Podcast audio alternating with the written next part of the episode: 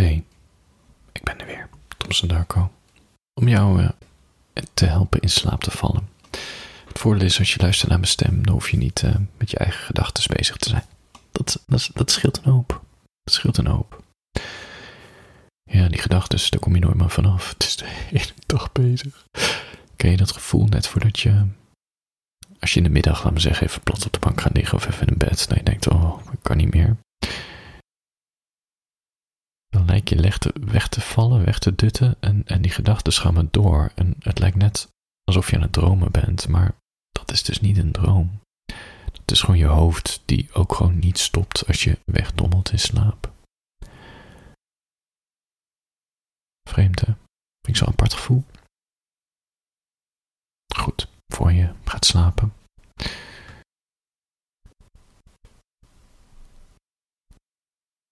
Ik zat op de camping laatst.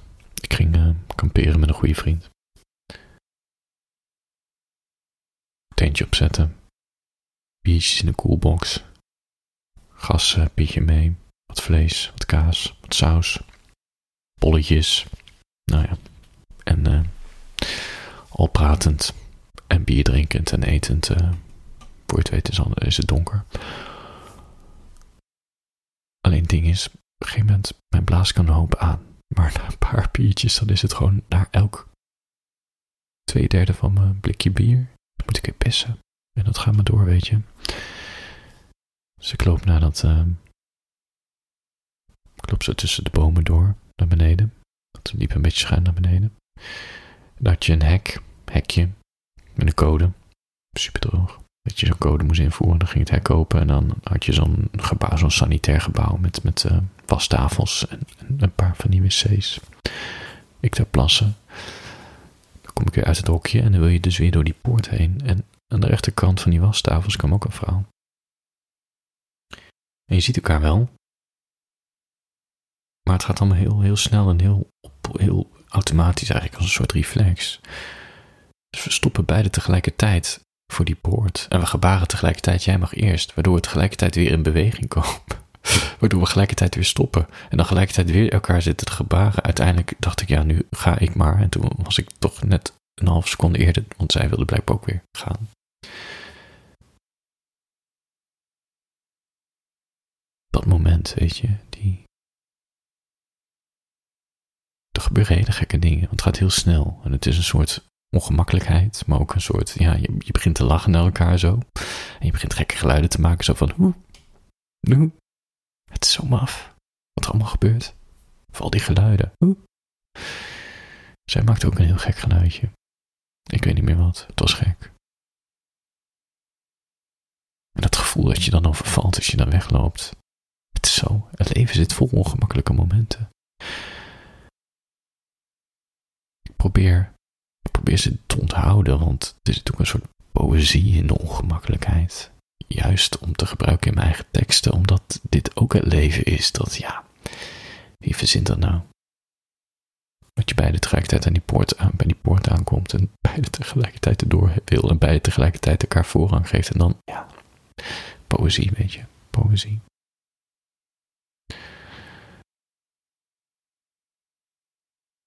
Ik denk ook juist, als we die ongemakkelijke momenten, je hoeft het niet eens op te schrijven, maar als je het onthoudt en daarna vertelt tegen anderen,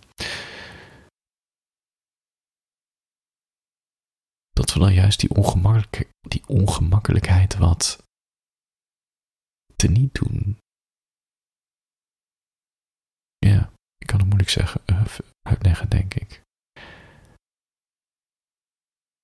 Ik denk dat het ongemak verraadt hoe radeloos we zijn in veel situaties. Dat we niet zo goed weten hoe we ons moeten gedragen. En ja, het is een soort fatsoen, maar het is ook awkward en pijnlijk. En ja, het is net bijvoorbeeld als je. Ik liep stage bij een redactie, lang geleden. En die, degene die mij begeleidde, dat was ook de coördinator van iedereen, eigenlijk een soort teamleider.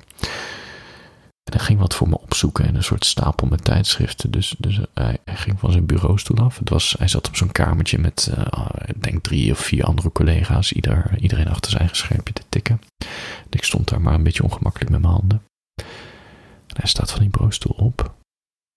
En hij gaat door zijn knieën om, om door zo'n stapel tijdschrift om iets voor mij te zoeken. En ontsnapt een, uh, een windje.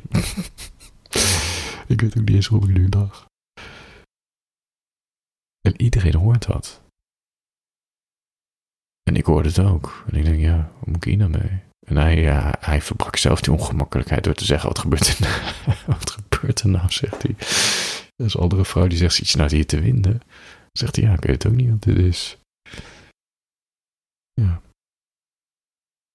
Ongemakkelijk.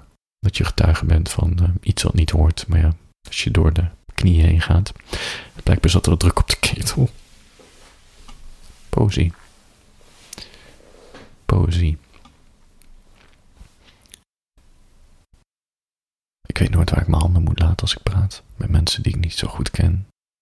Ik denk dat dat een reden is om gewoon te gaan roken. Weet je, ook al zijn die sigaretten 50 euro per pakje. Dan heb je altijd wat te doen met je handen. Ja. Registreer je eigen ongemak, denk ik, en probeer het na te vertellen aan een ander. Ik denk dat het helpt om het ongemakkelijke minder ongemakkelijk te maken of zo. Voor je gaat slapen. Ik heb een verhaaltje, ik ga een verhaaltje voorlezen. Het heet, uh, kort verhaaltje. Het heet, ik wil helemaal niet afhankelijk zijn van anderen, maar ik ben het om deze reden toch. Oké. Ik vraag me af of de mensen dicht bij mij wel echt weten wie ik ben. Is het egoïstisch om te denken dat ze dat niet weten? Ze worden zo opgeslokt door hun dagelijkse ditjes en datjes. Ze zijn te druk om te zien wat ik echt voel. Liefst zou ik vertrekken zonder iemand wat te laten weten, rugtas, rugtas gevuld, al liftend naar een warm land, om daar opnieuw te beginnen. Maar dan, je neemt jezelf altijd mee. Dat weet ik als geen ander. Ik haat het om afhankelijk te zijn, maar toch ben ik het. Als een vriendin zegt: Kom even helpen, dan sta ik al in de houding. Ik zal al mijn organen geven om een ander te redden. Maar wie redt mij eigenlijk? Is het een egoïstische gedachte dat ik alleen maar geef in de hoop dat ze mij zien staan? Ze zien mij niet staan. Dat is juist het probleem. Dat wat er altijd is, valt, valt niet op. Daarom wil ik zo graag vertrekken, zonder iets te zeggen. Maar dat is het ding. Ik ben afhankelijk van ze. Van hun aandacht, hun woning, verzekering, geld, hun gevoel waar ik me zo verantwoordelijk voor voel. Want stel dat ik vertrek en niemand mist mij, dan stel ik niets voor. Ik heb ze harder nodig dan zij mij, ook al is het een illusie, ook al kan ik niet meer tegen hun gedit en gedat over niets in het bijzonder. Voor je gaat slapen.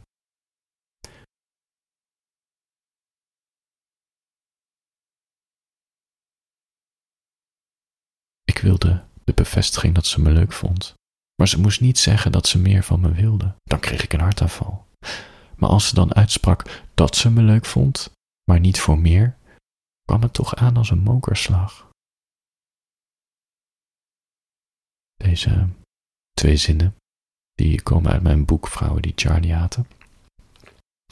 ik was het laatst aan het herlezen en ik, ik schrok er een beetje van. Omdat omdat ik mezelf kende, herkende hierin. En ik denk dat dit uit zo'n donkere onderlaag in mijn ziel kwam. En toen het op papier stond, de herinner, was het alsof ik mezelf had verraden aan de buitenwereld. Ik had mezelf ontmaskerd, ontmaskerd. En dat ik ook zo'n persoon ben die van aandacht houdt, zolang er niet met te veel verplichtingen komt, begrijp je? En dat is wat schrijven doet. Het is je meest donkerste laag, al die dingen die je eigenlijk verborgen wil houden.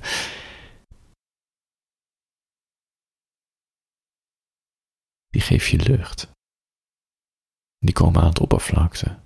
En ik kon dan wel altijd denken dat ik niet zo'n persoon was, maar ik ben het. Ik word erdoor aangedreven. ook ik houd van aandacht, maar niet te veel. Dat is ook wat schrijven doet, want nu staat het op papier en merk ik dat het over mij gaat, ook al schreef ik het over Charlie. Het geeft me ook meer rust of zo. Een soort meer ja, zelfkennis. Dat ik ook zo'n donkere kant in me heb. Dat ik ook meer bewust ben van die mechanismes in het contact met de ander. Als je bang bent voor je eigen donkere gevoelens en gedachten, schrijf ze dan juist op. Trek ze uit die schaduw. Kijk ze in de ogen aan en, en leer. Ik meen het. Hoe erg je ook schrikt van je eigen opgedolven waarheden. Dat is ook een kant die je in je hebt. Hoe beter je die kent, hoe beter het beeld dat je van jezelf krijgt. Hoe lichter je gevoelens worden, zelfs die zware. Nou ja, of zoals Carl Jung zei, rest in peace.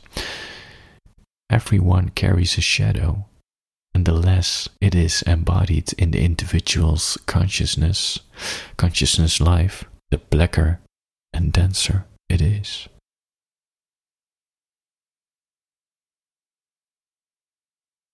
Voor je gaat slapen. Handjes boven de dekens. Morgen een nieuwe dag. Morgen gewoon weer een nieuwe dag. Gewoon je ding doen. Er weer wat van maken. Of doen alsof je er wat van maakt. Ik bedoel, iedereen doet maar wat. Dat is oké. Dat is misschien ook waar al dat ongemak vandaan komt. Dat we allemaal doen alsof we het weten, maar niemand weet het. Niemand weet het. En dat is ook oké. Okay. Welterusten.